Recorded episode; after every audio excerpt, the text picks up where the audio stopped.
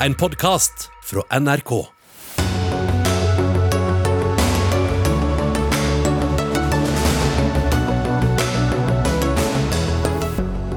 For raus, nei altfor stram. Meningene er delte om den nye strømstøtteordningen til bedriftene. Tre kjendiser lanserte en skjønnhetsklinikk, og internett tok fyr. De leverer bare det folk vil ha, sier samfunnsdebattant. Nå må Forsvaret slutte å feie problemene under teppet og erkjenne at de har en ukultur. Det er oppfordringen fra Norges offisers- og spesialistforbund. Og taushetsplikten kan stå i veien for sentral informasjon som kan forhindre terror, ifølge PST. PST. Men hva da med pasientenes tillit til helsevesenet? Og med det er ukas siste Dagsnytt 18 i gang. I studio i dag, Sigrid Solund. Vi har diskutert den i eh, månedsvis. I dag kom den. Mer enn tre milliarder kroner er satt av til en ny strømstøtteordning for norske bedrifter. Ifølge regjeringen vil ordningen hjelpe alt fra bakere til bibliotek. Den skal garantere for lån, støtte energisparing og sørge for fastprisavtaler. Og næringsminister Jan Christian Vestre, dere har snekret og snekret. Hvor sikre er dere på at dette er treffsikkert? Nei, Det er jo et byggverk som eh, både LO, NHO og Virke oppfordrer Stortinget til å slutte seg til. og Det er jeg veldig glad for, for da virker trepartssamarbeidet. Så er det helt sikkert mange bedrifter som er skuffet i dag fordi de faller utenfor ordningen. Jeg har hele tiden advart og sagt at det er veldig vanskelig å lage treffsikre ordninger som er bra for alle. Men nå gir vi i hvert fall en håndsrekning til 20 000 av de mest utsatte bedriftene. Og så lager vi et opplegg som også bidrar til at vi raskere kan få i gang energiomstillingen. og Det er også bra for bedriftene, som da kan kutte strømforbruket sitt sitt, og vi får fortgang på det grønne skiftet. Ja, hva var det viktig for dere å få med i ordningen, da? Det er en lang rekke hensyn, og partene har jo også til dels hatt ganske ulike tilnærminger til eh, både behovet for dette, og ikke minst hvordan det skal eh, se ut. Jeg syns vi har landet et eh, godt kompromiss. Og eh, så håper jeg selvfølgelig at vi kan få behandlet dette ganske raskt i Stortinget, slik at vi kan starte utbetalingene til de bedriftene som trenger det mest, allerede i høst. Vi har med to av partene her. Eh, Ole Erik Almli, administrerende direktør i NHO. Dere har, som vi hører, eh, stilt tøffe krav underveis. Hva var det dere møtte mest motstand på? Nei, nå har vi fått en ordning på plass som gjør at vi bl.a. kan gi et direkte tilskudd til bedriftene, slik at de får penger på konto, sånn som statsråden sier, i løpet av november. Og Det har vært viktig for oss, for at mange bedrifter sliter. og mange går nok en tøff vinter i møte og frykter at de kan få det vanskelig. så Da var det viktig å få på plass denne ordningen. og håper også nå at man støtter opp om ordningen i Stortinget, slik at vi får banka denne og raskt på plass en Det har vi allerede vært gjennom, da. Men, men, men hvor var det konfliktene lå? Altså, fordi det var så mange momenter her som skulle med. Hva var det som var vanskelig? Nei, Det var jo ikke noe hemmelighet, det kan man lese av mediene, at det var ulike posisjoner. Eh, man hadde noen ønska en låneordning, vi ønska en tilskuddsordning, og vi hadde behov for å gå noen dager sammen for å se at vi fikk dette på plass. Nå har vi fått på plass både en låneordning og en tilskuddsordning og en enøkordning. Og det i sum gjør at vi da kan si til bedriftene at her er det mulig å få hjelp. Hvert 20 000 bedrifter får hjelp, og vi håper jo at det hjelper de. Og så er det alltid slik at man kunne ønska seg noe mer, og de store bedriftene burde ha fått mer, men nå må vi gjøre dette i første omgang. Men ja, for Dere frykter for de store bedriftene, men de som organiserer de små og mellomstore bedriftene, sier at det er de som kommer dårlig ut. Hvordan henger det sammen? Nei, men Det er ofte sånn med sånne ordninger at noen skal ønske seg mer i alle kanter og bauger. Nå er det sånn at vi har fått denne ordningen på plass. Det brukes tre milliarder over tre måneder. Det er viktig for bedriftene nå. og Så får man jo fortløpende følge dette og se om det er behov for å gjøre noe mer, om det er behov for å forlenge det. Men nå har vi fått sagt i dag at vi har ordningen på plass, og nå må vi samles om den. Hva var det viktigste for dere i LO, hvor du er leder, da, Peggy Hessen Følsvik? Vi har jo fått meldinger fra tillitsvalgte og medlemmer nå gjennom eh, siste månedene at de har vært utrygge på arbeidsplassene sine når vi går inn nå i høst- og vintermånedene med de strømprisene som vi har. Så Det viktigste for oss nå er at vi har fått på plass en ordning som vil trygge mange arbeidsplasser. Men det er ikke til å legge skjul på at eh, Ole Erik og jeg hadde ulike utgangspunkt med å gå inn i disse drøftingene. Vi har jo lært av eh, det som har eh, skjedd skjedd i løpet av denne koronastøtteordningene, at eh, det har gått støtte til bedrifter som ikke nødvendigvis hadde bruk for det. Det har blitt betalt utbytte, det har gått til utenlandske eiere. Det er bedrifter som har gått med store overskudd, som også har fått eh, støtte. Og For oss er det et poeng at når det er våre felles midler som brukes til en sånn støtteordning, så må det gå til de som trenger det, og ikke til de som ikke har så mye behov for det. Og Det har da resultert i et utbytteforbud, Vestre. Hvor tette er de skottene?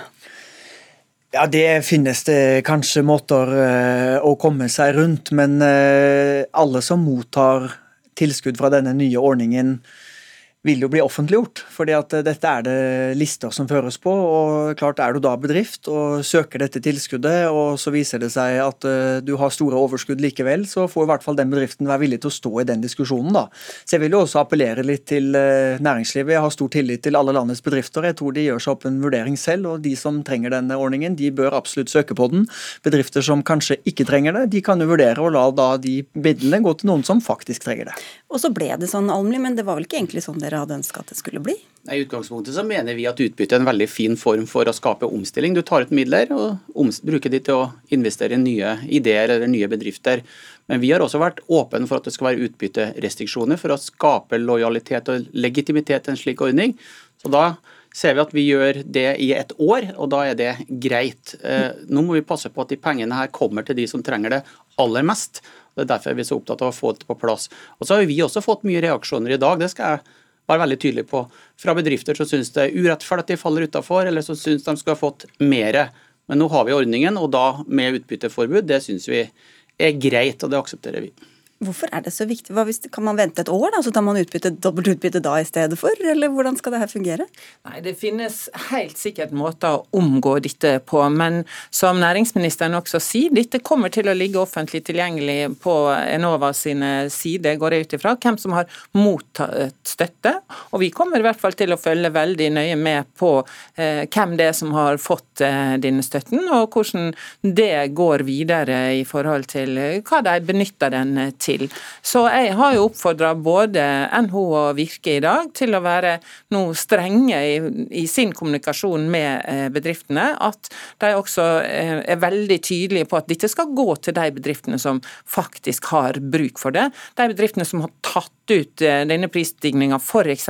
i høyere priser til forbrukerne. Det skal ikke være sånn at noen da får både i pose og sekk. Det er våre felles midler vi bruker til dette, og da må dette håndteres på en, en fornuftig måte. Vi var jo vant til under pandemien at vi hadde ganske rause støtteordninger uten at det var så mye vilkår. Og En av de tingene jeg er veldig glad for at vi er enige om, er jo nettopp at disse 20 000 bedriftene som nå får tilgang til tilskudd, alle sammen må gjennomføre energikartlegging først. Det koster dem ikke penger, det kan de gjøre selv, men det innebærer altså at hver enkelt bedrift må kartlegge energiforbruket sitt og se hvor det er potensial for å spare energi. Og Det kan gjøre også bedriftene mer eh, obs på hvordan de nettopp kan eh, kutte kostnader gjennom å bruke strømmen mer effektivt. Og så har vi jo også laget ordningene sånn at alle som kvalifiserer, får jo et grunntilskudd, men det tilskuddet øker og blir mye mer attraktivt hvis du også er villig til å investere i litt eh, enøktiltak. Og der matcher vi jo da og sier at 50% av den enøkinvesteringen betaler vi. Så bedriftene som nå har mulighet, de bør se at dette er en veldig god enøkordning. Og da er det også bra for skattebetalerne, fordi det bidrar til en raskere energiomstilling. Og det er knapphet på strøm, så klarer vi å bruke mindre strøm og fortsette veksten i samfunnet ellers, så er jo det positivt. Ja, og så har Vi også vært veldig tydelige i dag på at i tillegg til det vi snakker om her, så må vi få opp farten når det gjelder utbygging av fornybar kraft i Norge. For at uansett hva vi sier og gjør, så trenger Norge mer fornybar kraft. Så vi ønsker å komme tilbake i Dagsnytt 18. Jeg syns du er her hele tiden og snakker om fornybar kraft. Ja, jeg vil gjerne snakke om det hele tiden, fordi at Norge trenger mer fornybar kraft. Husk at kraften har vært et fortrinn norske bedrifter har hatt nytte av i årtier. og Det må vi også få på plass nå, samtidig som vi har støtteordninger. Samtidig så vet vi jo at nettopp det med strømsparing er jo det som eh, på kort sikt i hvert fall kan gi oss eh, mest eh, uttelling når det gjelder strøm. Så jeg er også veldig glad for at det er så tydelig enøk-insentiv i denne ordninga. Det fører både til at bedriftene selvfølgelig sparer penger på dette, men også at, at vi som, som samfunn får mer strøm tilgjengelig til andre nyttige formål. Så det har vi også vært veldig opptatt av. Det måtte bare en stor strømpriskrise til for at bedriftene skulle benytte seg av dem. Mm. Men Vere, vi skal skifte, skifte, dere ut og få inn flere andre gjester. Takk skal dere ha, Ole Erik Almli, NHO-leder, og Peggy Hesten Følsvik, LO-leder. Du blir sittende næringsminister, Jan Christian Vestre, for det er mange som har mye de vil ha sagt um, i dag. Er ordningen treffsikker nok? Er den for raus og kan utnyttes, eller er den altfor smal til alle som eh, trenger det? Dere er tydelige på det siste, Sylvi Listhaug, leder for Fremskrittspartiet. Ufattelig svakt, kommer til å føre til en masse konkurser, har du sagt i dag. Hvor mye mer penger vil du egentlig gi, og til hvem? Altså, vi mener jo dette her ikke er støtte, men det det burde vært, det er tilbakebetaling av det som eh, bedrift og folk nå betaler altfor mye. Vi ser på det som en ekstra beskatning. Og det er klart, den støtta som nå eh, skal gis Støtten er en ekstra beskatning? Ja, det er jo, nei, altså eh, strømprisene er en ekstra beskatning. Så vi ser jo på dette som at uh, tilbakebetale noe av den ekstraregninga, men altfor lite. Og Litt av hovedproblemet er at det treffer bare 3 av bedrifter. Det er de aller færreste som kommer inn under ordninga. Jeg har bare sett noen reaksjoner i dag. Fatland, eh, Nortura. Som sier at ja, om denne ordninga hadde truffet dem, og det gjør den jo ikke, da, så hadde det vært 3,5 millioner eh, på en ekstraregning på flere hundre millioner. Det var Nortura. Og Fatland tar opp da dette med at dette en av de regningene søker. I tillegg så er det jo drivstoffpriser. og De sier at de samla kostnadsøkningene er hinsides. Mm. Okay, men, og det blir dyrere mat. Ja, og da vil det ytterligere gå utover Hvor stor sum ville dere hatt? Skulle alle fått, eller hva, hva, slags system er det dere ville hatt i stedet? Ja, Vi ønsker en makspris. Det vil si at staten skal gå inn og dekke 100 av regninga over 50 okay, øre. I stedet for det som legges så er det rett og slett ja, for, det, for oss er ikke dette støtte, det er en tilbakebetaling. Og det er jo andre som frykter at de må gi opp fortsatt fortsatt som faller utenfor eh, Vestre? Ja, jeg syns det er fascinerende at Sylvi Listhaug kan være så overbevist om et tiltak som absolutt alle fagekspertene advarer mot. Det å innføre fastpris på, eller makspris på strøm, som er en knapphetsgode, det vil mest sannsynlig ta oss inn i en situasjon der vi må rasjonere. Og Da blir spørsmålet er det barnefamiliene, er det pensjonistene, er det industrien vi skal slå av strømmen for eh, først? Det er et veldig dårlig forslag, og det er også grunnen til at det er stort sett ingen europeiske land som har gjort det. Da er det mye viktigere å hjelpe de som trenger det, og derfor så betaler vi nå 90% av strømregningen for familiene over 70 øre, og derfor legger vi nå 3 milliarder på bordet for de bedriftene som trenger det mest for å komme seg gjennom høsten. Og så Når vi snakker om konkursras, ja. så må jeg også bare minne om at akkurat nå så har vi den laveste arbeidsledigheten i Norge på 15 år. Vi ser ikke noe spesiell økning i antall konkurser. Vi har færre konkurser nå enn vi hadde før pandemien i 2019. Og SSB kunne i forrige uke fortelle at det aldri har vært flere ledige stillinger. Så norsk økonomi er i en høykonjunktur. Det går som det griner for veldig mange. Det er en fattig trøst for de bedriftene som sliter. Men hvis vi nå bruker for mye penger ja, i sånne ordninger, i så vil vi gjøre situasjonen verre gjennom at rentene stiger raskere. Og det går utover familiene og eksportbedriftene. Og, og bedriftene lever jo ikke i et vakuum, Listhaug. som vi hører her, så går det overordna godt. Ytterligere press kan gå utover oss alle. Hvorfor ser dere helt bort ifra det? Hvis du er ute og snakker med folk der ute, bedriftene, så ser vi jo at dette henger sammen. Eh, folk er redd for at eh, når vi må betale så mye mer for strøm, for bensin, men, jo, men, for hva, alt, du, så er, er det mindre penger. Er du ikke redd for denne overopphetingen i økonomien? Nei, altså Nå har vi en finansminister som sa det at eh, strømstøtteordninga bidrar til å dempe inflasjonen. Og vi syns vi burde bidra til å dempe den ytterligere gjennom da å tilbakebetale mer. Men det som er fascinerende, det er å høre dette med, med makspris. Vi ønsker jo 50 øre. Eh, det er altså sånn at det er en høyere pris, langt høyere pris enn det som har vært normalen de siste åra. Og vi hører aldri at dere vil diskutere elektrifisering av sokkelen, f.eks. Okay, men vet dere hva? Vi, jo, men, men dette, dette, dette er viktig, for det handler om hvordan vi bruker strømmen. Det skjønner jeg. Men hvis eller, vi forholder oss eller, ja, til, hvis, til hvis ordningen kan... som er lagt fram i dag, det var, ja, var det jeg tenkte. Ja, I stedet for men det henger sammen. ja da, forstår det. Men vi skal få inn deg også, Torgeir Knag Fylkesnes, nestleder i SV. Dere er heller ikke fornøyd med ordningen, men av helt andre årsaker enn Sylvi Listhaug her. Ja, vi er redd for at vi, eh, hvis denne ordninga her blir sånn som den er skissert, at vi havner i en situasjon som vi var i når koronastøtta kom. Altså at man lager en ordning der det går ut mange millioner til eh, enkeltaktører som overhodet ikke trenger hjelp. Eh, og Vi så jo mange, mange eksempler på enkelteiere som henta ut utrolig store gevinster fra, direkte fra koronastøtta. Fikk gikk med kjempestore utbytter. Og det har de jo satt ned foten for nå, da. Eh, de satt for et år. Eh, kan du, kan, har du et, eh, en utbyttestopp, men altså, det er veldig vanlig å ta ut utbytte noen år senere. Sånn det er lett å omgå den type regler. Sånn at vi er opptatt av at her må vi få en ordning som treffer de som faktisk sliter. At ikke den omfavner en hel eh, en kjempemasse aktører som faktisk skal, som, som har tatt ut men, økte skal, priser men de skal jo i, i markedet søke, Det er jo kriterier for å få denne støtten. Er de dårlige, de kriteriene, da? eller? Ja, altså de er veldig små.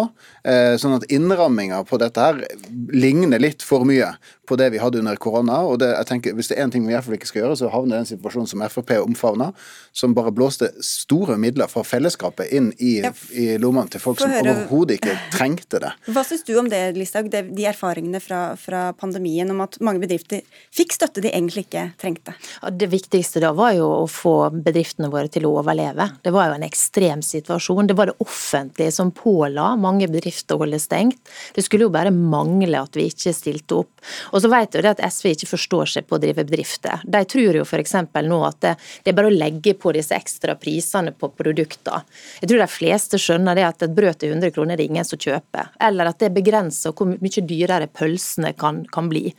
Eh, og da er det sånn at eh, Hvis vi skal sørge for at bedrifter nå overlever, så må vi stille opp. Jeg var oppe i Rendalen, bare for å ta et lokalt eksempel. Men du hadde jo et eksempel i stad også. Jo, men, men i Rendalen, bare for å ta det, det er litt av bygd. Uh, der er det en bensinstasjon, du har en, du har en butikk, du har et hotell. Alt dette her henger i hop. Og det de sier der er at f.eks. hvis det, det, blir så dyrt å bruke hyttene nå i vinter at folk ikke kommer til å ha råd til å være der, så kommer alle disse her til å bli ramma av det.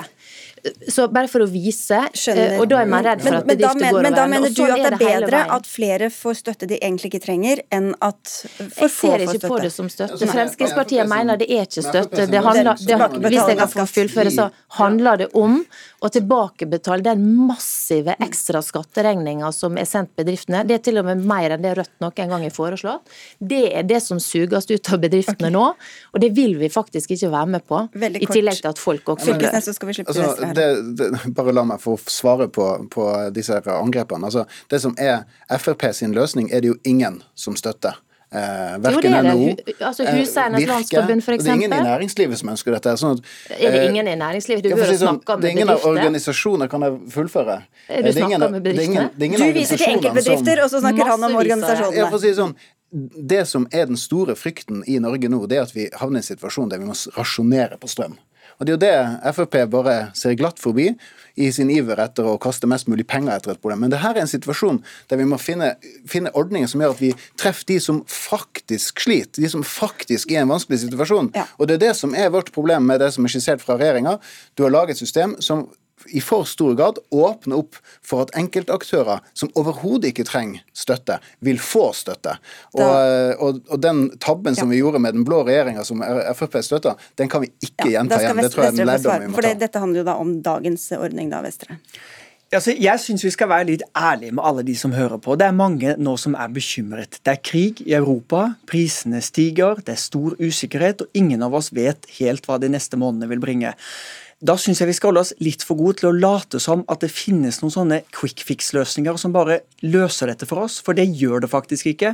Hadde det vært sånn, så hadde jo vi selvfølgelig vært enige om å gjøre det. Så du tror også, som, som Fylkesnes, at kanskje noen får støtte som ikke trenger det, og noen som trenger støtte, ikke får det. Det er helt opplagt. Med alle sånne ordninger vil det være sånn, og det ville det vært hvis du lagde en makspris også. Men problemet med makspris er at den vil ta oss mot rasjonering fordi det er knapphet på strøm. Og det handler ikke bare om at det er krig i Europa, men det handler også om at det har vært altfor lite regn, sånn at magasinene mm. våre har for lav fylling. Så vil jeg bare si at jeg forstår godt nå har vi jobbet fram denne strømstøtteordningen fram til i natt. Vi presenterte den i dag. Vi holder på med tekstene og proposisjonen til Stortinget. Så partiene på Stortinget har jo, med all respekt for å også vise litt forståelse, fortsatt ikke sett alle detaljene. Og jeg vil oppfordre Stortinget når de ser det, til å vurdere dette nøkternt. og også lytte til NHO og Virke og LO, som ber Stortinget om å slutte seg til. For det er viktig at vi raskt kan komme til å hjelpe de bedriftene som trenger det okay. mest. Og da bør vi legge politisk spill litt til side, og heller prøve å forene oss. nå, Ja, Vi har ikke sett detaljene. Dere har hatt nesten et år på dere på å komme med dette. Vi foreslo det før jul i fjor. Dere har altså somla av gårde. Og så må jeg bare si at det samme gjaldt krafteksporten. For det er klart når vi snakker om hvordan vi skal unngå rasjonering, så er det i hvert fall én ting som er sikkert, at her er det rent bokstavelig talt veldig mye vann ut av magasinene og ut av landet som har bidratt til det. Og det siste poenget jeg har lyst til å si, det er at jeg syns det er rart at man da selger det mobile gasskraftverket som har stått oppe på Nyhamna, og sender det nå til Honduras i stedet for å sende det til Sør-Norge, når man er bekymra for at vi kan komme i en rasjoneringssituasjon. Det viser at denne regjeringa ikke evner å planlegge, men lever fra hånd til munn og er på etterskudd. Og det okay. Ja, til- går tilbake, utover tilbake til temaet da, eh, som vi snakker om. Altså, nå har vi fått et forslag fra regjeringa eh, som skal eh, diskuteres på Stortinget. Der må det være forbedringer, sånn at vi ikke havner i en situasjon som vi havna i Eller tidligere. forverringer fra de vi må se på hvordan det kan rammes inn, sånn at de som virkelig trenger det i Norge nå, de som virkelig havner mellom stolene av bedrifter, at de faktisk eh, får hjelp. Det blir det avgjørende eh, fremover nå. Og så til slutt her, Vestre. Dette er jo en midlertidig ordning, og så skal det være fastpriskontrakter. Hvem skal bestemme de prisene? Hva skal de prisene være, og hvordan skal det hjelpe, så lenge de prisene antagelig blir ganske høye fremover? Ja, nå kommer vi til å sende en egen sak til Stortinget om endrede skatteregler som gjør det mye gunstigere å inngå fastprisavtaler, men det er jo et valg bedriftene må ta selv, selvfølgelig. Eh, Støtteordningen varer nå fram til jul. Vi kunne selvfølgelig ha fordelt de tre milliardene utover mange flere måneder, men det hadde ikke blitt mer penger av den grunn. Og ettersom da næringslivet som er mest utsatt sier at de trenger dette raskt, de vil ha det ubyråkratisk, de vil ha én søknad, enkelt og greit, så tenkte vi da er det bedre å sette skjæringspunktet ved nyttår, og så er det fastprisavtaler som gjelder etterpå. I tillegg stiller vi opp med subsidierte lånegarantier, og vi bygger nå ut fornybar energi i et forrykende tempo, bl.a. med havvindeventyret som skal doble norsk kraftproduksjon. Før det er oppe og går, kanskje? Ja, men vi er i gang, og vi kommer til å være i produksjon før 2030, så det er summen av tiltak på kort sikt, på mellomlang sikt og lang sikt som bidrar til at ren og rimelig fornybar energi fortsatt skal være et fortrinn for norsk næringsliv og for norske Og familier. Takk skal du ha. Jan Christian Vestre, Sylvi Listhaug og Torgeir Knag Fylkesnes, dere skal diskutere videre i Stortinget, så vi ser hva den eh, støtteordningen blir til slutt. Takk skal dere ha alle sammen for at dere var med i Dagsnytt 18.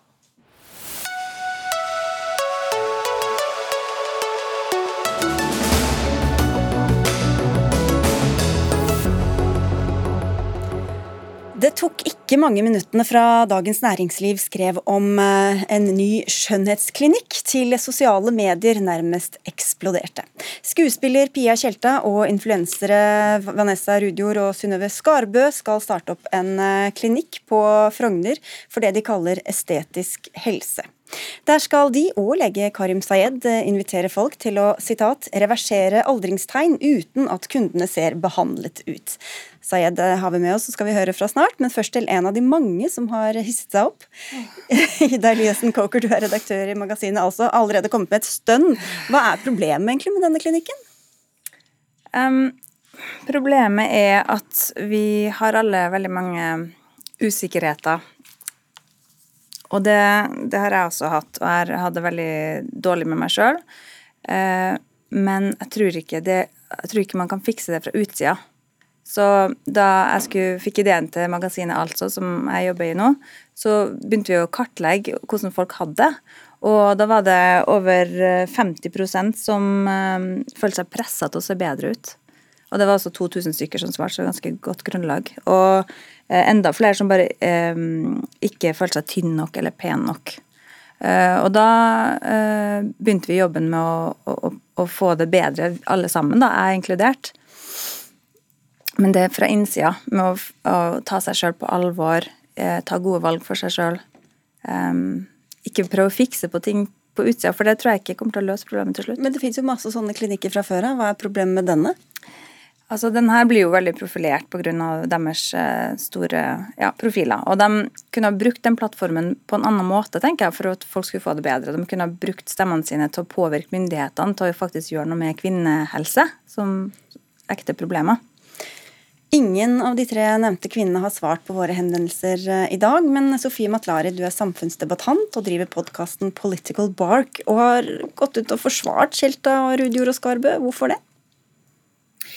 Jeg vet ikke om jeg har forsvart akkurat uh, de tre damene, men jeg har forsvart uh, markedet og markedsøkonomien. Og um, sånn som vi nettopp hørte, så finnes det ingen quick fix på strømprisen. men det er mange som vil ha en quick fix på utseendet sitt likevel, og det har vi sett under pandemien bare er blitt større og større. Så er ikke jeg lege eller plastikkirurg, men jeg er en kvinne som er gründer og som eh, bor og lever i Norge nå i 2022. Og jeg tenker Det er veldig viktig at kvinner eh, rundt meg etablerer selskaper, og at markedet vokser. At vi ser mer konkurranse, og at vi også ser så klart regulering. Så jeg tenker jeg kommer inn med et helt annet perspektiv eh, enn en kanskje det som akkurat ble lagt fram. Men fra et mer eh, ja, rasjonelt eh, ståsted så vil jeg sagt at så lenge de eh, får etablert seg inn i, i, tråd med gjeldende normer og praksis, og Forbrukerrådet ikke har noe å si på det, så ser ikke jeg noe problem med at de prøver å utnytte et behov i markedet. Fordi det finnes Dette er én debatt. Men så finnes en annen debatt også, som går på verdispørsmålet angående plastisk kirurgi i Norge 2022. Og det er jo noe helt annet. Ja, For det er jo voksne mennesker her. De har satt en 21-årsgrense, de holder seg innen loven. Det er et marked, det er etterspørsel. Hva er problemet da, Cocker? Ja, Det er det at man skaper et større press ved å normalisere det her da, med å, å, å gjøre noe med hver eneste lille ting du er misfornøyd med på utsida, istedenfor bare å prøve å ha det bra med deg sjøl. Jeg f.eks. hadde i de siste snart ti årene har jeg hatt en mage som ikke ser ut etter eh, graviditeter, ikke sant. Men jeg har vurdert å operere den også. Men nå plutselig så har jeg det bra og føler meg som et bra og lykkelig menneske for det om den ikke ser bra ut. Det er bare merkelige ting som har skjedd. Du sier at det er et marked der, Matlari, men det er jo noen som er med å skape dette markedet også, da? Ja, absolutt. Altså, hvis vi ser på USA nå, så er jo eh, plastisk kirurgi er jo eh, Amerikanere er de største forbrukerne av plastisk kirurgi, og det markedet kommer bare til å vokse med ja, over 20 de neste, de neste fire årene. Eh, jeg tenker at det, staten kan jo ikke gå inn og kontrollere, hvis ikke vi lever i Sovjetunionen, kontrollere hva vi skal like og hva vi ikke skal like eh, hele veien. Eh, så klart så må vi, må vi tenke på at eh, det skal være et fritt marked, men også at vi skal kunne ha noen verdier og en viss moral. Men det bringer oss til et annet spørsmål, og det er moral- og verdispørsmål i Norge i 2022. Finnes det egentlig finnes det noe rett og galt, og hva problemet med plasterkirurgi, eller hva er ikke problemet med det? da? Hvorfor tror du at dette skaper så mye reaksjoner, da? Jeg vet ikke. Det kan hende det har eh, Kanskje det kommer rett etter det at Røkke Eh, flyttet, eh, flyttet, fra Norge, og at folk er litt irriterte pga. det òg. Det er rekkesfeil, ja. Nei, men det er jo det at det, dette er jo tre kvinner som er rike, pene, vellykkede, for å si det sånn, og som bruker en viss form for salgsteknikk. Det at vi i det hele tatt debatterer det her, er jo veldig bra for dem òg, da. For nå snakker vi alle sammen om deres selskap. ja, det er det, delt det her. Du, en, en del av kritikken går jo også ut på at de tre kvinnene har sagt at dette handler om kvinnehelse. Vi har med hos deg, Johanne Sundby. Du er professor og gynekolog og spesialist på kvinnehelse. Hvor viktig vil du si at denne klinikken er i et kvinnehelseperspektiv? Jeg vil si at den har ingenting med kvinnehelse å gjøre i det hele tatt. Jeg ledet en offentlig utredning om kvinnehelse for 20 år siden, og det kommer en ny en nå snart. Og de kvinnehelseutredningene som da er initiert av det offentlige, sier at kvinnehelse handler om kvinners sykdommer, kvinners sykemeldinger, det handler om graviditeter og fødsler, det handler om prevensjon, det handler om aldring, det handler om medisiner som kvinner kan eller ikke kan bruke, det handler om kvinner som lider og har smerter og har vondt.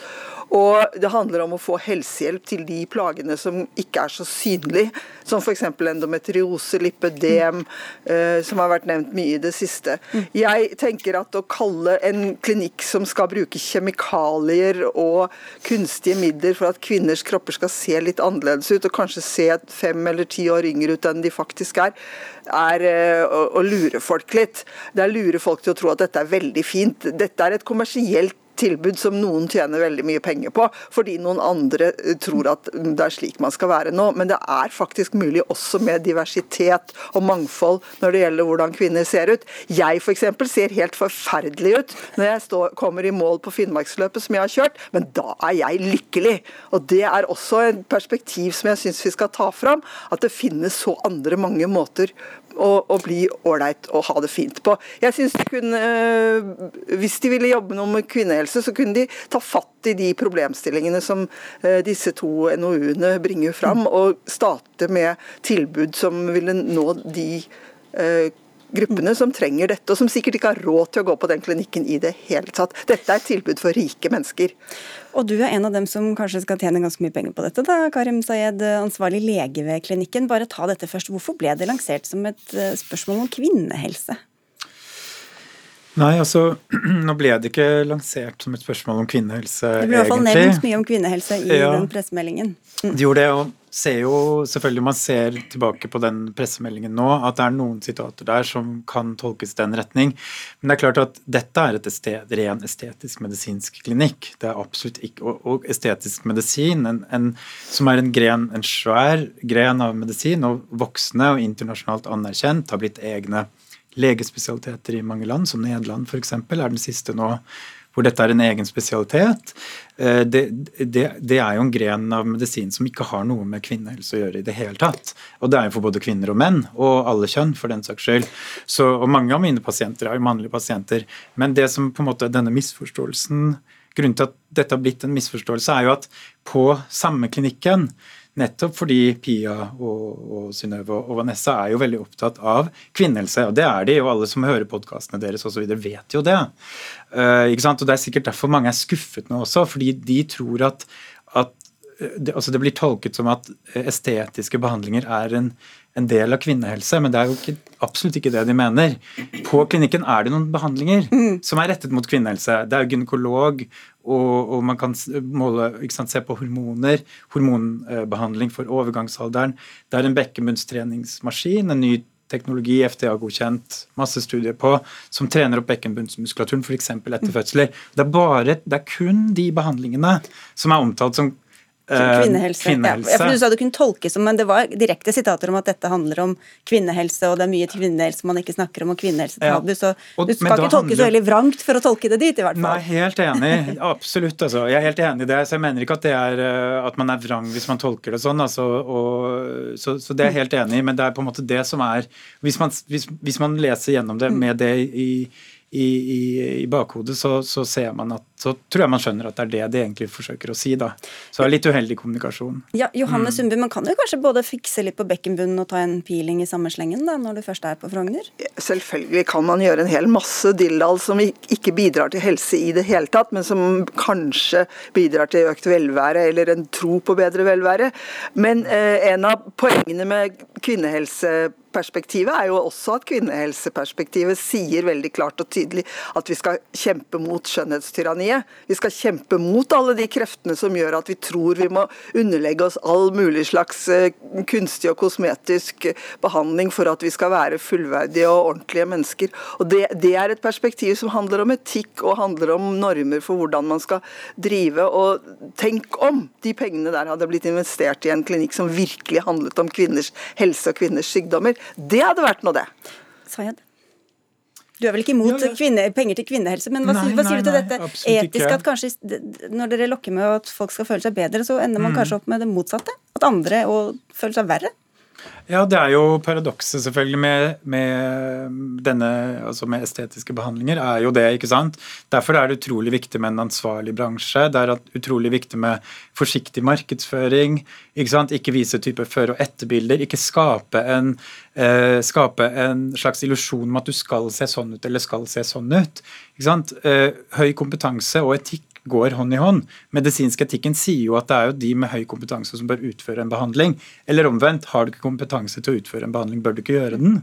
Dette er svært marked. Det er, svær, um, det er veldig mange aktører, og mange dårlige og useriøse aktører.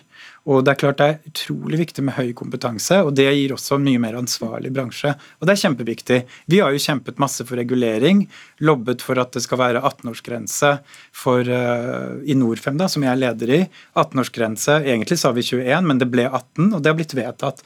Og at helsepersonell må gjøre disse behandlingene, det har også blitt vedtatt. Det har vi klart å få gjennom. Så vi er absolutt for en ansvarlig bransje, og er fullt klar over problemene her. Coker.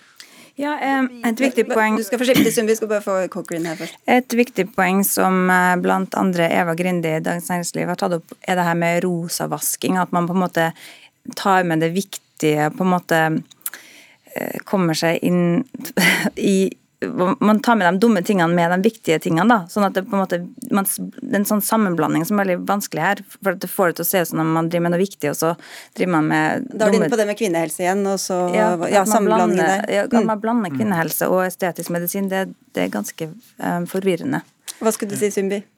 Jeg skulle bare si at disse tingene har jo det Riktignok er det leger og sykepleiere og sånn som utfører de tingene, men det bidrar jo ikke til så veldig mye mer helse helse og, og sykdomsbekjempelse er, er, på en annen arena og med andre metoder. Mm. Og det, det, er viktig at man ikke tror at man kan stoppe aldring, f.eks., for, eksempel, for det kan man ikke. Vi skulle bare få en kort deg også, Matlari, igjen. Du sa at du ser dette med litt andre briller. Du har bodd mye i andre land. Hvordan ser debatten om det norske dette ut eh, fra, fra ditt ståsted? Jeg tenker at uh, Vi lever jo i et demokrati på godt og vondt. og det er visse ting som, Jeg er ikke noen fan av plastisk kirurgi i det hele tatt. Langt ifra. Men jeg vil uh, for all del uh, kunne på en måte beskytte det at de vil etablere en bedrift og vil gjøre det med en viss grad av plastisk kirurgi og andre, andre typer tjenester. Um, fra, ja, fra det ståstedet. Jeg tror det, slike typer bedrifter er veldig vanlig i nesten alle land. og ja, så er det viktigere at ting gjøres på en god måte, sånn som Sayed sa, profesjonelt, enn at uh, unge, unge, jenter går og kjøper uh, lip fillers til 400 kroner og, og, får en hel rekke sykdommer samme slengen. Eller at i det hele tatt skal man behandle altså Den unge pasienten, altså det kunne vi snakket om en hel dag, men skal, man, skal unge pasienter i det hele tatt, eller mennesker, behandles? Hvem trenger behandling? De vanligste uh, brukerne eller pasientene i en sånn min praksis og en, en solid kosmetisk-medisinsk praksis er jo godt voksne, vanlige mennesker som har en plage som de ønsker å adressere. Man ser sint ut eller trist ut, eller veldig typisk, man føler at man ikke ser opplagt ut. Det er sånne type ting vi jobber med. Det handler ikke om å lage en eller annen norm og folk går rundt og ser unaturlig og behandlet ut. Det er jo feilbehandling. Okay. Så det er mange misforståelser også om vårt vårt felt, da. Vi, vi må avslutte. Du trenger ikke noe sprøyter oppå Finnmarksvidda der, Johannes. Du ser vel kanskje litt sint ut når du kommer i land etter løpet ditt, men eh, Jeg syns det er helt greit å se sint ut hvis man er sint, og jeg syns det er helt greit ja, ja. å se glad ut hvis man er glad, og jeg syns det er helt greit å være gammel sånn som meg, og allikevel tenke at uh, man kan bruke vettet sitt og kroppen sin på ålreite måter, og snakke med hyggelige mennesker og leve et godt liv. og det det er, ikke nødvendig å gjøre noe med utseendet sitt for at livet skal bli bra. Helt enig. 100% enig. da fikk vi litt enighet på slutten. Takk skal dere ha, alle fire. Sofie Matlari, eh, Ida Eliassen Coker, Johanne Sundby og Karim Sayed.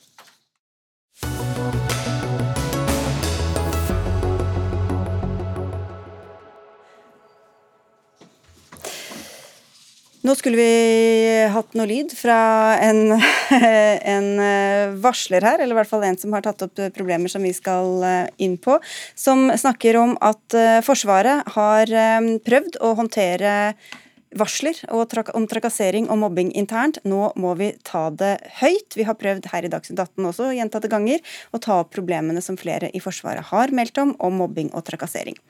Men NRKs mange saker om dette har ikke dempet frustrasjonen hos oberstløytnant eh, Lena Kvarving, som vi kunne se, men ikke høre på de som følger oss på TV her. Og hun skriver på NRK Ytring at problemene i Forsvaret dysses ned og skyves under teppet, og at nå må ledelsen være tydelige på at vi har med en ukultur å. Er du enig, forsvarsminister Bjørn Arild Gram, at det er en ukultur? Ja, Det er en veldig alvorlig situasjon. Forsvarssjefen har jo selv brukt ordet krise. Det er veldig alvorlig først og fremst for dem som blir utsatt for, for uønska hendelser, men det er jo egentlig veldig alvorlig for hele Forsvaret. Skal vi ha et sterkt forsvar og god forsvarsevne i framtida, så trenger vi å rekruttere gode folk, eh, og da må vi ha et godt arbeidsmiljø. Men hun sier at vi må si det som det er, at det er en ukultur. Er det det? Jeg tror jeg, Mange opplever det, og det tar jeg veldig alvorlig. fordi at vi, Det er ikke sånn vi skal ha det. De sakene som eh, NRK har løfta fram de siste månedene, her, viser jo at vi er på en plass vi ikke skal være, og det har vært for dårlig håndtert i Forsvaret. Hun skriver videre Kvarving altså, at siden Forsvarets ledelse ikke ser det selv, så må Forsvarsdepartementet på banen nå. Hvorfor ser vi at ansvarlige mennesker enten blir sittende eller til og med flyttes oppover i systemet?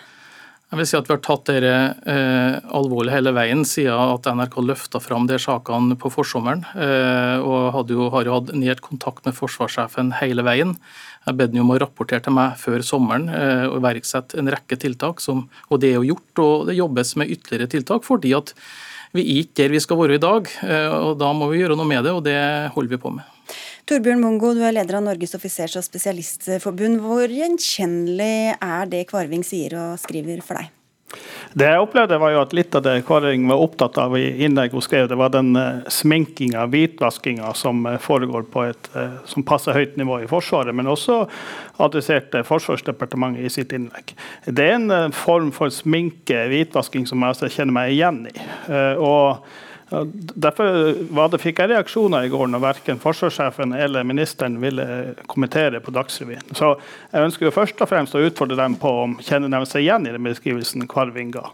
Men vi kan jo ta det direkte med Gram med en gang. Ja, jeg ville ha kommentert saken, jeg har gjort mange ganger, men akkurat i går hadde jeg ikke anledning. Men jeg er glad for at vi Men kjenner du deg igjen i den, var spørsmålet? Ja, jeg har selv har jeg vært forsvarsminister noen, måneder. Jeg har ikke noe forhold til noen rapport som skal være sminka, men jo, min holdning til det er jo krystallklar. Uh, Eh, skal jeg og regjeringa klare å gjøre gode beslutninger, så må vi jo ha kunnskap om fakta, ha beskrivelse av situasjonen, hvordan den virkelig er. Det, er jo, det forutsetter. Bongo. Ja, og, og, og, det er bra det statsråden nå sier. Men det er klart at hvis det foregår det som Karving eh, antyda i går, så er jo det utfordrende. For da blir vi ikke åpne og ærlige på selve problemet. Eh, og det gjør kanskje også at organisasjonen Forsvaret ikke oppfatter alvorligheten i det her. Så, så det at vi er tydelige, at vi kaller en spade for en spade, og, og, og snakker om at det her har vi et problem som vi må løse, det tror jeg vi trenger. Ja, hun, hun, sa bl.a. at da hun ikke kunne stille seg bak endrer, endringer i en rapport, så sa, fikk hun høre at vi velger en positiv vinkling, synliggjøre det som gjøres, heller enn å påpeke det som blir bedre. Så hvor god oversikt har dere egentlig da, Gram, over hvordan det egentlig står til? Jeg vil i hvert fall si det at det, det, er helt uakseptabelt at det skal være sånn. Og, og, det skal være åpenhet og ærlighet. Jeg er avhengig av det hvis jeg skal klare å gjøre gode beslutninger. og opp, Når vi nå har fått opp den saken, så opplever jeg at det har man vært åpen og ærlig om. og som jeg sa, Forsvarssjefen har jo kalt det en krise, har jo gått tungt inn i saken, snakka med folk og satt i verk en rekke tiltak. Dette er jo et spørsmål for Forsvaret, men også et politisk spørsmål. Ingrid Liland, du er nestleder i MDG. Hva er det du etterlyser fra forsvarsministerens side? Først og fremst må jeg jo si at det er veldig opprørende at unge jenter og damer nok en gang får et signal på at eh, varsler, alvorlige varsler ikke blir tatt på alvor i Forsvaret. Og så er jeg glad for at forsvarsministeren eh, sier at dette er alvorlig. Eh, det er ikke bare omdømmekrise, det er tillitskrise. Og Forsvaret er helt avhengig av høy tillit både internt og eksternt. Og Når damer opplever mobbing, eh, seksuell trakassering, maktovergrep, eh, karriereknusing, så vitner det om en ukultur. Det mener jeg er helt åpenbart. Jeg forventer at forsvarsministeren rydder opp som øverste ansvarlig for Forsvaret. Hva, hva gjør dere, Gram? Ja, altså, det, det gjør, for det første vil jeg si det. Mange har det veldig bra og trives i Forsvaret. For mange er det en god arbeidsplass. Det å jobbe med disse temaene over mange år, men det er ikke godt nok. Det viser jo sakene som har kommet fram. Nå er det, jo, nå er det gjort interne gjennomganger. Det er jo en ekstern evaluering nå av varslingskanalen og oppfølgingsregimet, men det er iverksatt konkrete tiltak. F.eks. knytta til det at mange varslere har opplevd at de ikke har fått god nok oppfølging, f.eks. tilbakemelding på hva skjer med varslene de leverer. Den, den praksisen er allerede endra. Det er satt i gang tiltak knytta til når det avdekkes alvorlige forhold, at saken skal løftes til generaladvokaten og også til forsvarsstaben for å sikre likebehandling. Handler dette bongo først og fremst om uvitenhet, inkompetanse, eller om kameraderi og at det er villete handlinger? Varslingssaker er vanskelig, men hvis vi er enige om at varslingssaker er vanskelig, så er det helt avgjørende at vi har god kompetanse i hele Forsvaret på å kunne håndtere varslingssaker. Så mitt viktigste råd til eh, forsvarsministeren er at vi investerer i, i, kompetanse i hvordan behandle varslingssaker. og Det må skje både på øverste nivå, men også lenger ned i organisasjonen. Og, og Skal vi få den kapasiteten, så må vi også ha folk, og vi må ha penger til å kunne være i stand til å gjøre det på en god måte hele veien. For Hvis dette stemmer at dette beskjedene gis ikke oppover, og at rapporter sminkes og gjemmes bort, så er det kanskje ikke så rart at ikke forsvarsministeren har full, full oversikt, Liland? Nei, De tiltakene som forsvarsministeren nevner, det skulle bare mangle at var, eh, var iverksatt. Men nå er det gått lang tid siden de første sakene dukka opp, og fortsatt så får vi saker der folk ikke opplever som, eh, at man er ærlig, transparent, og at det gjøres et systematisk eh, arbeid. Og Vi er nødt til å erkjenne at varslere har en stor personlig eh, kostnad allerede når de velger å gå til det skrittet at de varsler. Og Da er det særlig viktig i en organisasjon som er så kjønnsdominert og så hierarkisk som Forsvaret er, at ledelsen tar det på alvor eh, i aller høyeste grad og jobbe systematisk. Og Jeg håper at forsvarsministeren faktisk kaller inn eh, ledelsen i Forsvaret på teppet og får det hele bildet så snart som mulig. For hver dag som går, er en dag der vi går glipp av viktig kompetanse fra damer som jeg forstår kanskje ikke synes Forsvaret virker en kjempebra plass å jobbe akkurat nå. Denne saken har vært på dagsordenen i møter mellom meg og forsvarssjefen i mange måneder. Eh, det har ikke behov for å kalle han inn på teppet nå. Vi har hatt en løpende diskusjon om dette etter at det kom opp. Han ga meg om en foreløpig rapport. Den 23. juni fikk jeg den. En foreløpig rapport, og det jobbes videre med det. og som jeg har sagt, Det iverksetter en rekke tiltak. og jeg er enig, Det skulle være mangel, men vi gjør det. altså. Det har kommet opp nå, og vi har, vi har satt i gang en rekke ting for at det skal bli bedre. Men det er jo noen år siden de første varslene kom, Bongo. Hva har skjedd de siste årene? Uh, det har vært jobba, det har vært iverksatt tiltak. Mm. Men fremdeles så har vi også saker de siste årene, årene som ut fra vår erfaring med å bistå medlemmer, både de som varsler og de som blir varsla på, at kompetansen ikke er god nok eh, i Forsvaret på å håndtere det varslinga. Så vi er definitivt ikke i mål. Eh, vi har begynt, men vi er ikke i mål, og vi, vi må fremdeles gjøre mer. Men det som er, nok, eh, som er viktig, og som var mitt hovedbudskap i dag, det er at vi må ha det med basis i en ærlig debatt og erkjenne utfordringer. Først da kan vi få løst den, hvis vi er ærlige på det. Og Det er vi jo helt enige om. Vi er jo enige om det som blir sagt her. Eh, og Vi skal ha en åpen ærlig debatt, og vi må ha fakta på bordet. Jeg er glad for at det her har kommet fram nå. Jeg er ikke glad for det som har skjedd. Men det er jo når vi får det fram, og ære være til dem som har tatt belastninga med å fortelle sine historier, det er jo da vi har fått fram alvoret og, og i stand til å håndtere det og få det bedre framover.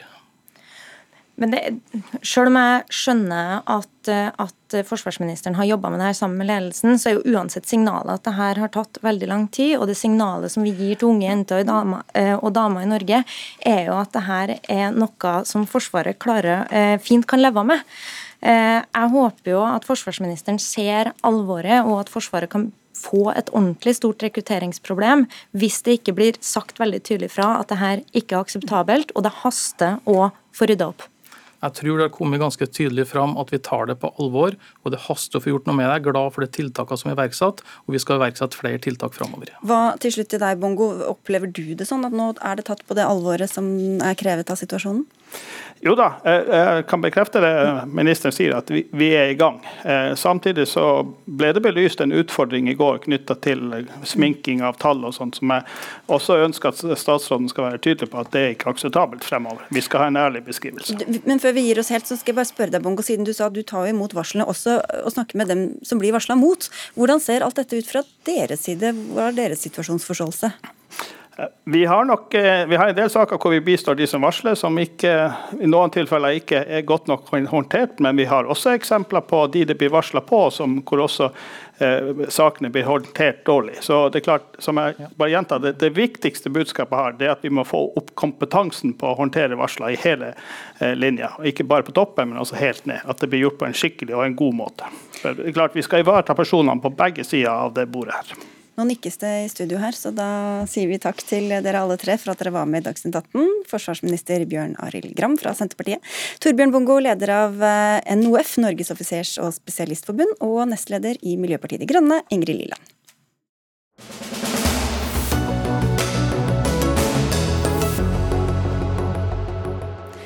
Handler det om psykiatri eller om terror og ekstreme ideologier? Det har vært spørsmålet etter eh, drap, etter flere drap det siste året, som i Kongsberg og på Bislett i eh, Oslo. Og det var også bakteppet for Politiets sikkerhetstjenestes rapport som kom i dag, om ekstremisme og psykiske lidelser. Hedvig Mo, eh, assisterende PST-sjef, dere skriver at eh, psykiske lidelser ikke er en direkte risikofaktor for radikalisering, men har, indirekte, har indirekte og over tid en forsterkende effekt sett opp mot det totale bildet av sårbarhetsfaktorer en person kan ha. Det var litt vanskelig lang setning, men hva betyr det egentlig? For å prøve å oppsummere det litt, litt, kortere og kanskje litt mer pedagogisk, så tenker vi rett og slett at denne rapporten gir oss et bedre grunnlag for å si at uh, psykiske lidelser er en av flere sårbarhetsfaktorer uh, når det gjelder terrorisme. Og Litt av bakteppet er jo, som, som du nevnte, den Kongsberg-hendelsen og Bislett-hendelsen, men, eh, men, det er litt større enn det. Eh, hvis vi ser sånn 10-20-30 år tilbake i tid, eh, så var det jo gjerne sånn at terrorangrepene ble gjennomført av faste grupper med en djup ideologisk overbevisning som planla mer sånn spektakulære angrep. Mens vi har sett i de siste åra at 90% av gjennomførte terrorangrep blir utført av enkeltpersoner. Og Når vi da skal forebygge det trusselbildet, så må vi jo prøve å finne ut av eh, hvordan vi skal gjøre det. Og, og, der har vi jo tenkt at psykiske lidelser er en del av det bildet som ligger rundt disse gjerningspersonene. Og så er det sånn at Denne rapporten gir oss et bedre empirisk grunnlag for å si at ja, det er faktisk sånn, eh, og det må vi ta inn i debatten. Og så er det alltid viktig å si at selvfølgelig de aller fleste med psykiske lidelser aldeles ikke kriminelle eller eh, voldelige på noe som helst vis, men hva er det man da skal, hva er faresignalene hvis det er noen som har en psykisk lidelse, og hva slags psykisk lidelse er det som er i faresonen?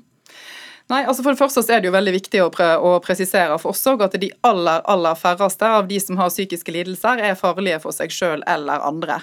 Eh, men når det nå er sånn at vi ser blant disse ekstremistene da, at det er en høy forekomst av psykiske, av psykiske lidelser, så må vi ta det med oss, eh, oss inn. Men vi ser et veldig bredt spekter. Det er vanskelig å trekke ut en eh, tilstand eller en eh, type diagnose som, som vi ser mer av enn annet. Og Jeg tenker ikke skal gå nærmere inn på akkurat det, for det er nettopp det vi trenger egentlig helsesektoren sin hjelp til, å forstå litt mer og bedre de bildene vi da står i når vi skal se på faren for voldsrisiko. Da, for det er samarbeidet, eller hva vi skal kalle det, med, med helsesektoren som, som, vi skal snakke litt om også. Du, dere skriver at sitat, i samarbeidet med helsetjenestene erfarer PST at helsetjenestenes mulighet til å utlevere opplysninger ofte hindres av taushetsplikten. Hvordan kan det være negativt for deres arbeid? Nei, for det første så er det jo sånn at det er jo hensynet til, til de enkeltpersonene og andre som blir vernet av taushetsplikten, det er jo et viktig grunnfjell for oss òg. Men så tenker vi jo at eh, de eh, tungtveiende offentlige interessene som vi mener PST representerer, at det noen ganger tilsier unntak fra taushetsplikten, og at man skal gi oss eh, informasjon som kan være viktig når vi skal finne ut av om noen som f.eks. er i ferd med å bli radikalisert, kan utgjøre en voldsrisiko. Og så er jo spørsmålet hvor den grensa skal gå, Arne Leving. Du er visepresident i Psykologforeningen. Hva tenker du om muligheten for å kanskje løsne litt eh, opp i praksisen? Eh, vi tenker at det er ganske gode muligheter til bedre samarbeid eh, innenfor dagens eh, regelverk. Vi tror som dere at det er uutnyttede muligheter, særlig når det gjelder farlighetsvurderinger og risikovurderinger, og samarbeid når det gjelder det. Når det er sagt, så ønsker vi ikke en oppmykning av taushetsplikten eller en utvidelse av det, også fordi at tilliten til helsevesenet er helt avgjørende for at vi skal få gjort jobben vår og særlig for denne gruppen. Det er grupper som ofte har et dårlig helsetilbud. Når du sier at det er blitt flere av denne typen de siste 10-20 årene, så henger jo det sammen med nedbygging av helsetilbud til denne gruppen i samme periode. Det er også en gruppe som det er ganske vanskelig å nå. Eh, mange er paranoide i utgangspunktet. Så at hvis det ikke finnes et trygt rom hvor du kan snakke om radikaliserte ideer, om hat, om sære ting, Eh, med et helsepersonell som kan møte det og utforske det på en trygg måte, så blir jo folk overlatt til ekkokamre. Og det vil ikke være bra for helsen eller for terror eller for noen ting. Ja, eh, først og fremst er jeg enig i utgangspunktet ditt at innenfor de eh, lovreglene som ligger der, så tenker vi òg at det er et handlingsrom der vi òg må bidra til å trygge helsepersonellet i hva kan man si og hva kan man ikke si. Og Der ønsker nok vi oss en klargjøring fra myndighetene litt hva som ligger i dette vilkåret om at man skal gi opplysninger til PST hvis det er tungtveiende offentlige interesser som vi mener at vi representerer. Skulle du sett, vi har jo myndighetene ja. sittende her. Helene Brandstorp, du er divisjonsdirektør for Divisjon for analyse og samfunn i Helsedirektoratet. Helsedirektoratet, og dere lager retningslinjene, forvalter dette regelverket. Hva, hva sier lovverket her, da? Ja, Den sier jo at taushetsplikten er helt sentral og viktig, som det er påpekt her. La, oss, la, meg si det først. Fordi den tilliten som skapes gjennom at vi har en godt kjent taushetsplikt, den er helt sentral for helsevesenet. Den er viktig for alle. Men det er kanskje særlig viktig da, for de med psykiske lidelser som kan føle kan føle seg overvåket. Som kan, får de grunn til det? altså, som trenger å være helt trygg på at opplysninger som blir gitt til vårt helsevesen, de er trygge der. Så der hvor disse interessene står mot hverandre, da, ja. hva skal veie tyngst? Ja, Nei, Det må vurderes i hvert enkelt konkrete tilfelle, rett og slett. Eh, helsevesenet er der for individet, og reglene vi, rammene vi lager er der for å gi god helsehjelp til individene. Og det kan være viktig for å spare liv, for å redde liv. Eh, så er det også i helsevesenets eh, interesse selvfølgelig å ha et godt samfunnsvern, samfunnssikkerhet. Og du lurer på hvor går da grensen. For det første så er, må det vurderes i hvert konkrete tilfelle. Og for det andre så vil vi da som myndigheter nettopp bidra med veiledning. Og, ja. Nei, unnskyld, bare fortsett. Nei, og, og, da er det jo fint å kunne si eh, at det gjør vi sammen med politiet. Vi har allerede et felles rundskriv, altså en slags veiledning da, til helsepersonell og politi om hvordan vi skal samarbeide, og det er under revidering.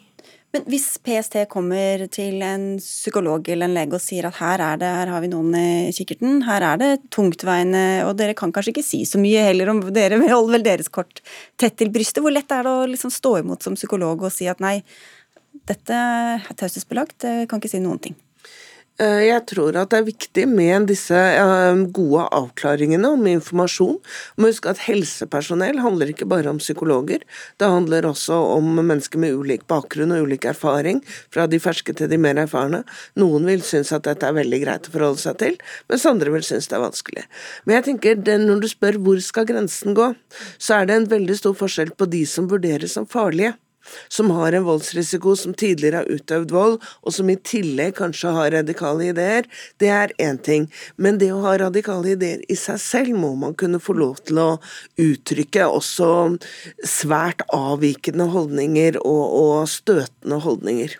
Hva, men hva kan dere si da, når dere ber om informasjon? Hvor, hvor åpne kan dere være om hvorfor dere trenger den informasjonen? Nei, nå kan jeg dessverre ikke være så åpen om akkurat hvordan vi har dialogen med helsevesenet, men det er veldig viktig for meg å få fram det at vi skal ikke være et meningspoliti. Altså Når du spør om hva går grenser for når man skal informere oss, så er vi jo først og fremst opptatt av den voldsrisikoen. Man kan få lov til å ha meninger og ytre meningene sine, selv om ikke det er noe som, eh, som den store delen av befolkningen er enig i. Eh, men vi tror definitivt at det er et potensial, kanskje òg for å være tryggere i helsevesenet på at å, dette som kan være relevant for et radikaliseringsløp, da, har mulig voldsrisiko der, det er noe som òg er interessant for og viktig for, for PST, mens man kanskje er mer vant til å tenke opp opp imot eh, politiet og barnevern som, som noen man skal, skal, varsle. Og så er det jo, Du nevnte overvåkning. Det er viktig for meg å få fram også at det vi ønsker er jo ikke å straffe flest mulig, vi ønsker jo å forebygge terror. Og vi tenker at det er utrolig viktig at både vi og andre har muligheten til å komme inn på et tidlig tidspunkt. og Et av de eh, mer mjuke tiltakene i vår verktøykasse, rett og slett å snakke med folk, er jo noe som, som vi liker å bruke for å komme inn tidlig. Fordi dette med psykiske lidelser er jo ofte bare en del av et større bilde som, som omfatter utenforskap. Det kan være tap eh, i personlig liv og mye som, som spiller sammen, og som, som leder til eh, f.eks.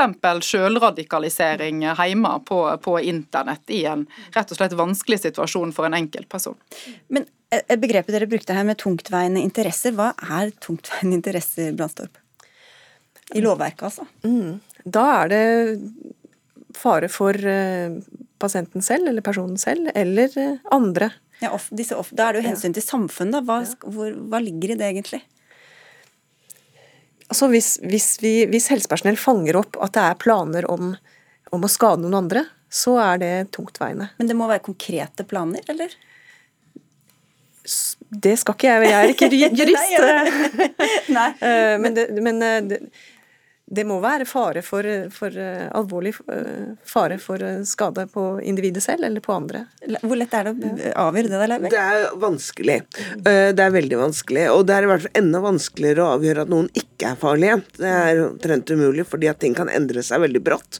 Med at noe skjer, nye tap, mm. ting som skjer i livet til folk. Men man kan jo se på historikk, f.eks. Man kan se på samtidig rusmisbruk, en del ting. veldig ustabil livsførsel, mangel på den gode relasjoner osv. Så, videre. så at det er viktig. Men samtidig så vil jeg gjerne understreke at det aller viktigste er å gi folk god hjelp. Altså det å få god helsehjelp er kanskje noe av det aller viktigste for denne gruppen. God helsehjelp og bedre samarbeid, det er jo som regel en god eh, idé i de fleste tilfeller. Takk skal dere ha alle tre. Hedvig Mo fra PST, Helen Brandstorp fra Helsedirektoratet og Arnhild Lauveng fra Psykologforeningen. Vi takker for følget. Synnøve Vereide Trampe, Lisbeth Sellereite og Sigrid Solund og ønsker en riktig god helg.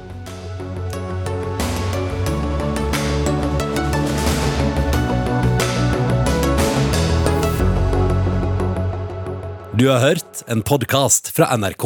Hør flere podkaster og din favorittkanal i appen NRK Radio.